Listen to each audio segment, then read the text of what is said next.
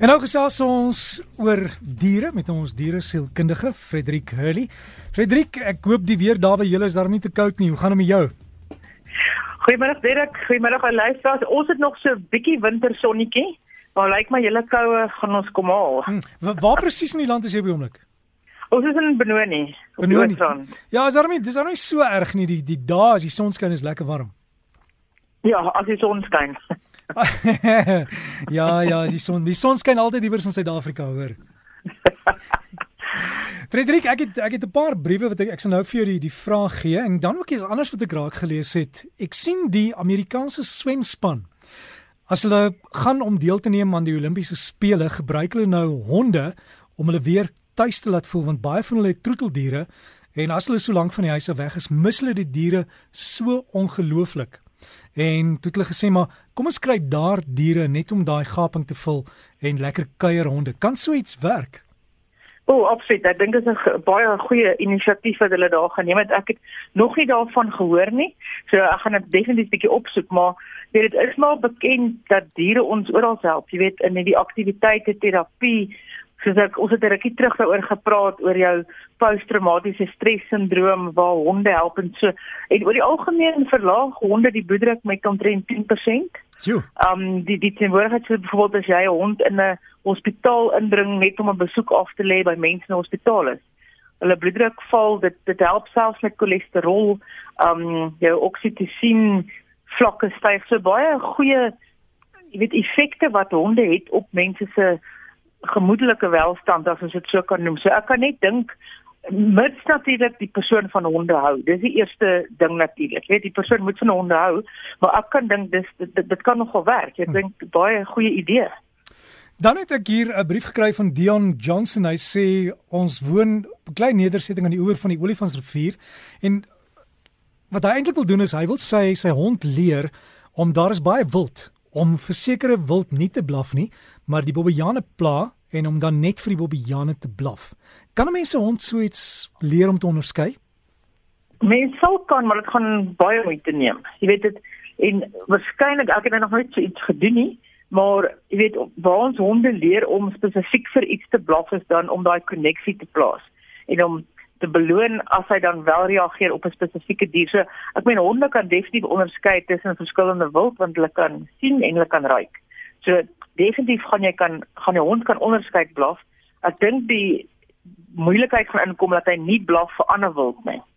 Eerder as wat hy blaf vir die bobbejaan. Ek dink dit gaan 'n maklike deel wees om nie te blaf vir ander wild nie gaan dink dit moeiliker wees en verskillende maniere dan en mense het selfs al vir honde eers geleer om te blaf as hulle gesê word om te blaf. So jy leer hom om te blaf op command en wat dan indirek dan beteken dat die hond nie blaf as hy nie aangesê word om te blaf nie. Dit dit is amper om dit andersom te doen. So ek is seker hy sal dit kan doen. Hy gaan net bietjie moet uit die boks uit dink om om te dink hoe hy daai paring gaan doen dat die hond leer as dit moet ek dit doen.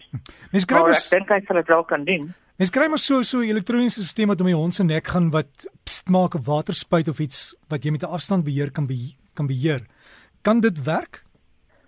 Kyk daar is dit gaan 'n lang antwoord wees hierdie ene hoor, maar ja, nou ja, ja, kom ons gou vir dit. Daar is daar is allerlei elektroniese toerusting wat 'n ou kan kry en die doel gewoonlik van daai is dat die hond nie moet blaf nie. So ja.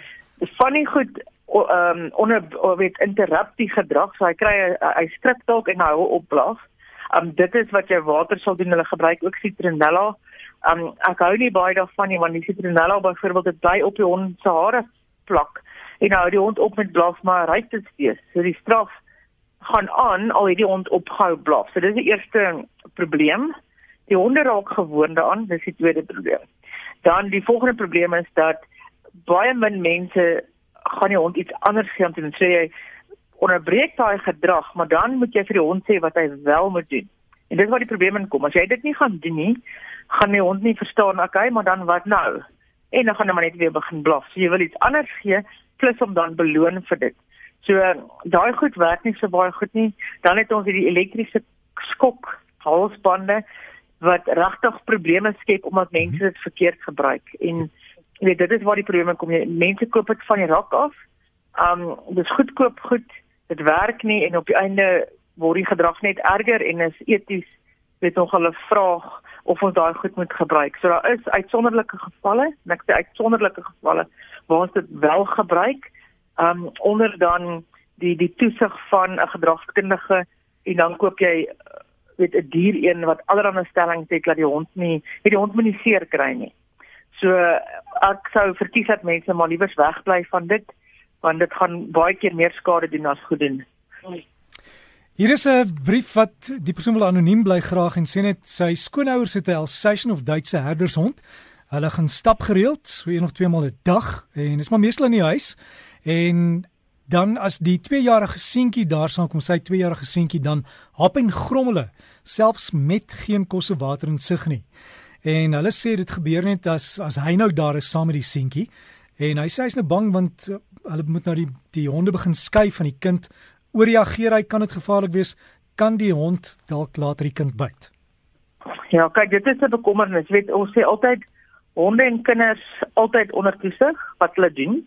Maar sodra daai hond nie gemaklik voel met die kind en daar's miskien ons ek weet nie wat in die hond se weet verlede gebeur het waar daar dalk iets was met 'n kind of sy net nie gewoond aan kinders nie of weet hy het daar iets gebeur en hy's nou amper bang vir kinders.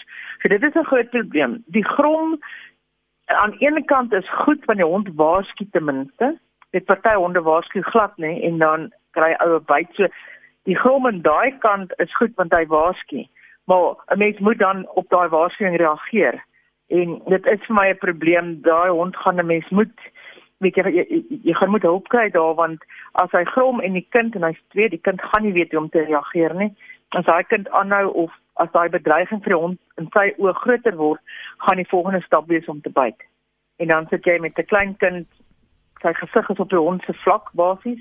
So dis maar gewoon net waar die byte dan plaasvind is in die kinders se gesigte. So ja, as hy so gewaarsku het, moet jy aksie neem. Verseker en dit is 'n bekommernis. En, en baie mense kyk nou na die dier sê dis die probleem, maar kan dit dalk wees dat die dat die kind die hond op 'n manier afknou of knyp of die stert getrek het of Kijk, so? Kyk, dit gebeur. Jy weet en, en so ek sê, jy weet die kind is twee. Ek voel as jy kind Ja, so 3, 4 het daai kinders kan jy sê hoor hierso, dis nie iets wat jy doen. Dis hoe jy optree om honde, maar 18 maande baba, byvoorbeeld daai kind weet nie. Hy gaan, men hy vat in ons, hy vat in jou klere daai kind en hy knyp daai vuisie toe en as jy hare daar is gaan hy trek en die hond gaan seker en daai hond het dan 'n opsie. Jy weet baie honde sal net opstaan en wegloop, wat goed is, of hulle kan dit net verdra wat oukei okay is en dan gaan jy die kry wat dit nie verdra nie en gaan reageer deur of te grom wat 'n waarskuwing is, maar as ek sê 'n klein kindjie 18 maande gaan nie weet hoe om daarop te reageer nie en die volgende stap is dan te byt. So die ouers moet toesig neem van daai honde en moet die kinders ook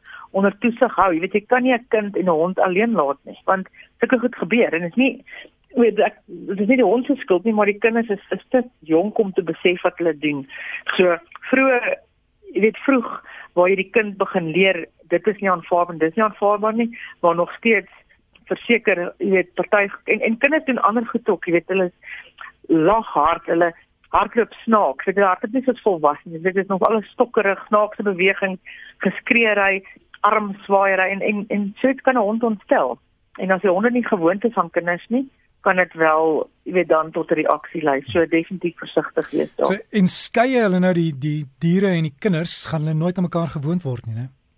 Ja, dit is so kyk die, die probleem is met as jy nou regtig aggressief is, weet as jy nou soos hierdie gegrom of as daar wel 'n byt wat ons sê altyd jy, jy kan nie aggressie die Engels is cure. You can't cure aggression.